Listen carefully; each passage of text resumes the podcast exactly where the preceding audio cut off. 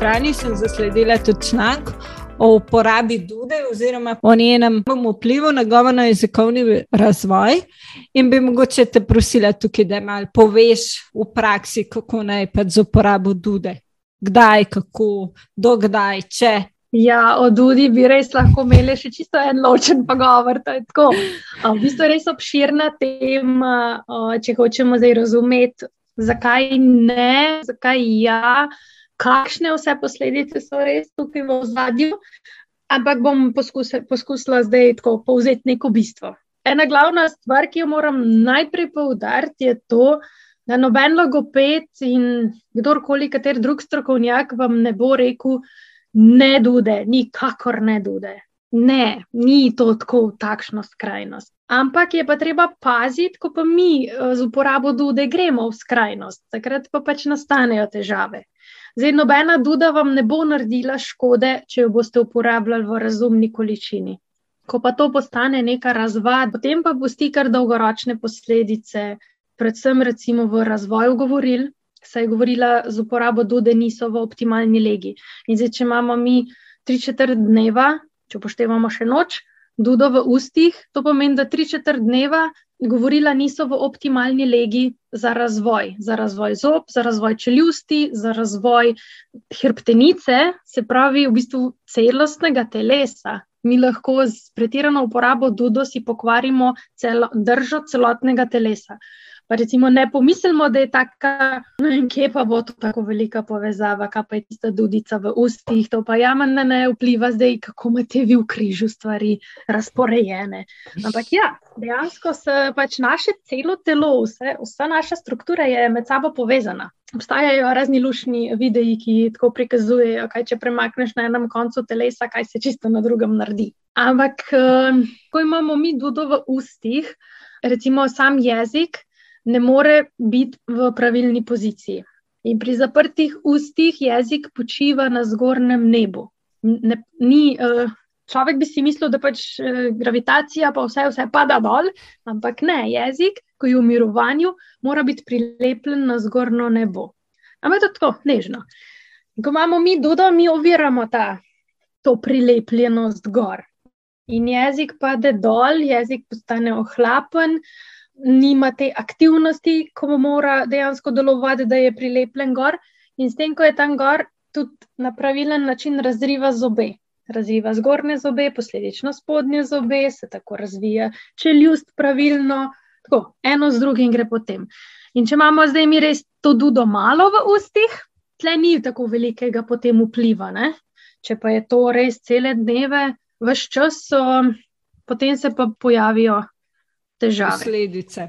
Najbolj taka ena pogosta, recimo zadnje čase, se zelo pojavljajo medzobni sičniki. To pomeni, ko jeziček kuhaja ven, ne, s, s, s, z, niso pravilni sičniki, s, s, c, ker jeziček kuhaja ven. Mi vse glasove, ki jih izgovarjamo, je jezik za zobmi. Zobje so kot ena stena, stop, to je to. Druga stvar, ki je pri Dudi za razvoj govora in jezika problem, je pa to, da ko ima otrok Dudo v ustih, je zelo težko se smejati, čebljati, govoriti. Že prej smo omenili, kako je pomembno, da se otrok že v prvem letu čim več igra z glasovi, da čim več uporablja ta del. In če tega ni, smo dejansko eno zelo pomembno, zelo en. Pomemben temelj izpustili, okrnili, in to vse vpliva potem na nadaljni razvoj. Zdaj, recimo, bi rekla v praksi, veliko pažam primer, da mal podam primere, zdaj, kaj je to preveč.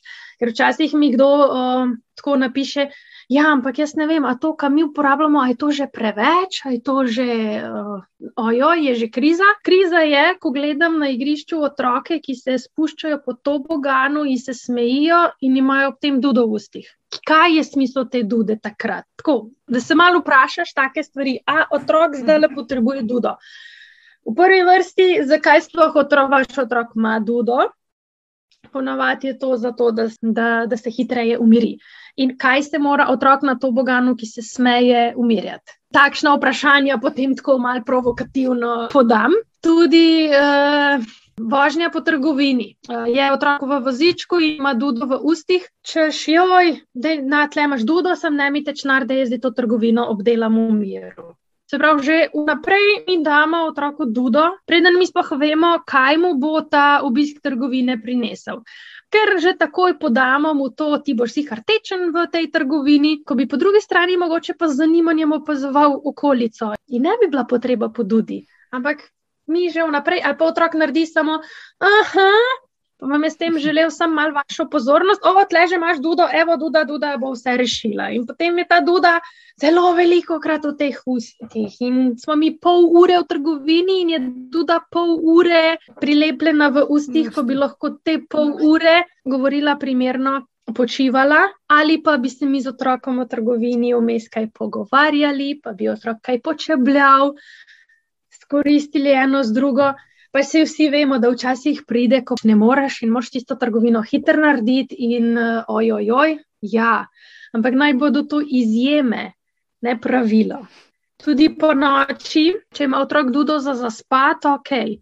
Ampak potem, ko vidiš, da otrok že lepo zaspi, je umirjen, poskušaš to dudo uh, izvleči ven, pazi, da to, če, je, če ne gre, zlahka, da pustiš, ker lahko naredimo pa še kakšno dodatno škodo. Ampak tako, da poskušaš eh, se usmeriti v to, da ima tudi po noči, ko spi, da ni ta duda celo noč v ustih.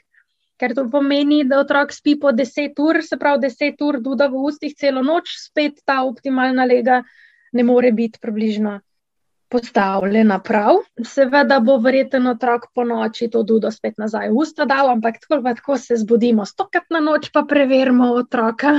Ja. Lahko tudi to poskušamo čim večkrat to dudo, da je pač izvlečemo ven, da je res tam tisti del, ki je uspavanja, da se mirneje uspavaš.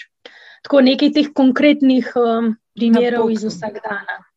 Se mi zdi, ja, da se res tako lepo, no? kako počasi, oziroma v katerih primerih, mogoče res duda ni. Da, da mogoče smo zadnje čase res tudi jaz opažam, da je res otrok sam mal se oglasi in že dudo ponudimo. Ja. Ma mogoče tudi tako, ko greš kdaj, uh, ko vidim, ker so mogoče res, da niti ne rabijo, uh, smo tudi starši res tako. Hitro delujemo uh, na tak način, če še v tle imaš dudo, da imamo zdaj mir in imamo pol tisto eno uro blažen mir. Ampak dolgoročno, Tako. ko bomo imeli pa problem, bomo imeli pa veliko težav in niti približno blizu miru ne bomo čez recimo dve leti, ko bo pa treba popravljati zdaj tisto uro miru, ki smo, ki smo mm. jo bili tako veseli, da smo jo dobili. Tako, malo um, mal razmisliti o tem, da če ena zadeva kratkoročno ti prinese uh, olajšanje, mirnost, uh, se vprašati, kaj pa na dolgi rok predstavlja. In uh, res se mi zdi pomembno, da to upozorimo, ker včasih me rad kje kdo pokrega, da preveč psihiram mamice.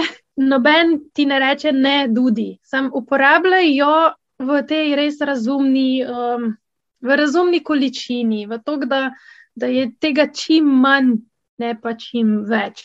Ker ko otroku enkrat to postane res razvada, navada, to si v začaranem krogu, ker jo vse čas. Išče vse čas, to mu po, po, potem že predstavlja neko varnost, da, neki, mm. da je to nekaj nujnega, da je to kot ne vem, dihanje, že skoraj da. In uh, imate potem res velik problem, lahko, ker je otrok tako navezan na to dudo, da je jo zelo težko odvaditi. odvaditi. Jaz priporočam, da tam do drugega leta je res fajn dati stran. Vem, da pri enem letu je to tako, če sem realna. Eno tako. je, kar bi kot strokovnjak priporočala, tako, tako. mama, kot mm. uh, nekdo, ki živi v družbi, bi bilo seveda najbolj optimalno okoli enega leta, ampak um, v praksi je to cela umetnost. Takrat otrok še potrebuje veliko teh občutkov varnosti, občutkov, da se pač res dobro počuti.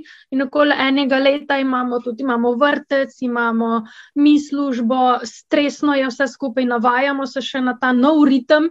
In to traja nekaj časa. In tudi, če pride vrtec, pridejo bolezni. Ko je otrok bolan, ni primeren čas za odvajanje dude tudi če se lotimo že kakšnega odvajanja od pleničke. Ne moramo oboje hkrati delati, je prevelik stres za otroka. In zdaj, da bomo pa mi, aha, zdaj pa, ker je pa Nina zadnjič rekla, pri 14 mesecih moramo dati dudo stran, da se tega sveta držimo in nima veze, ali si bolan, ali si gremo ne vem kaj še, to dudo bomo dali stran.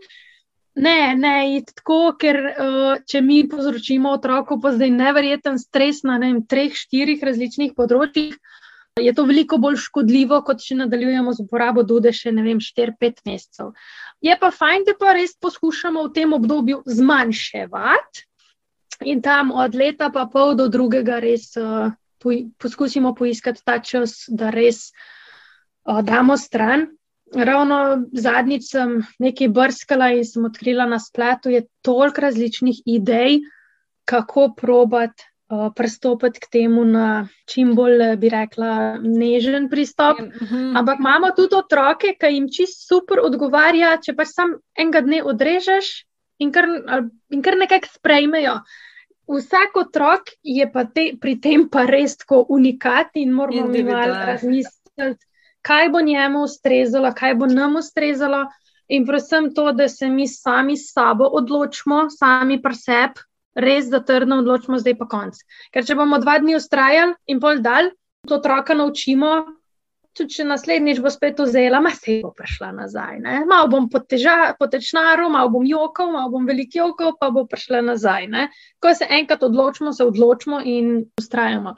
Pazimo pa res, ja, da ni takrat in uvajanje v vrtec, in bolezen nekakšna, in še kakšna druga sprememba v življenju. Tako, Tako da, smo razumni. Hvala, lepo si to povzela, povedala tako, da ta strokoven vidik in to razumevanje iz prakse in to, no, mogoče, da je res vsak otrok individualen pri tem odvajanju. Za nekoga je res ta nežen način, nekomu bo pa mogoče čist po čisto redu sprejel, če dude ne bo.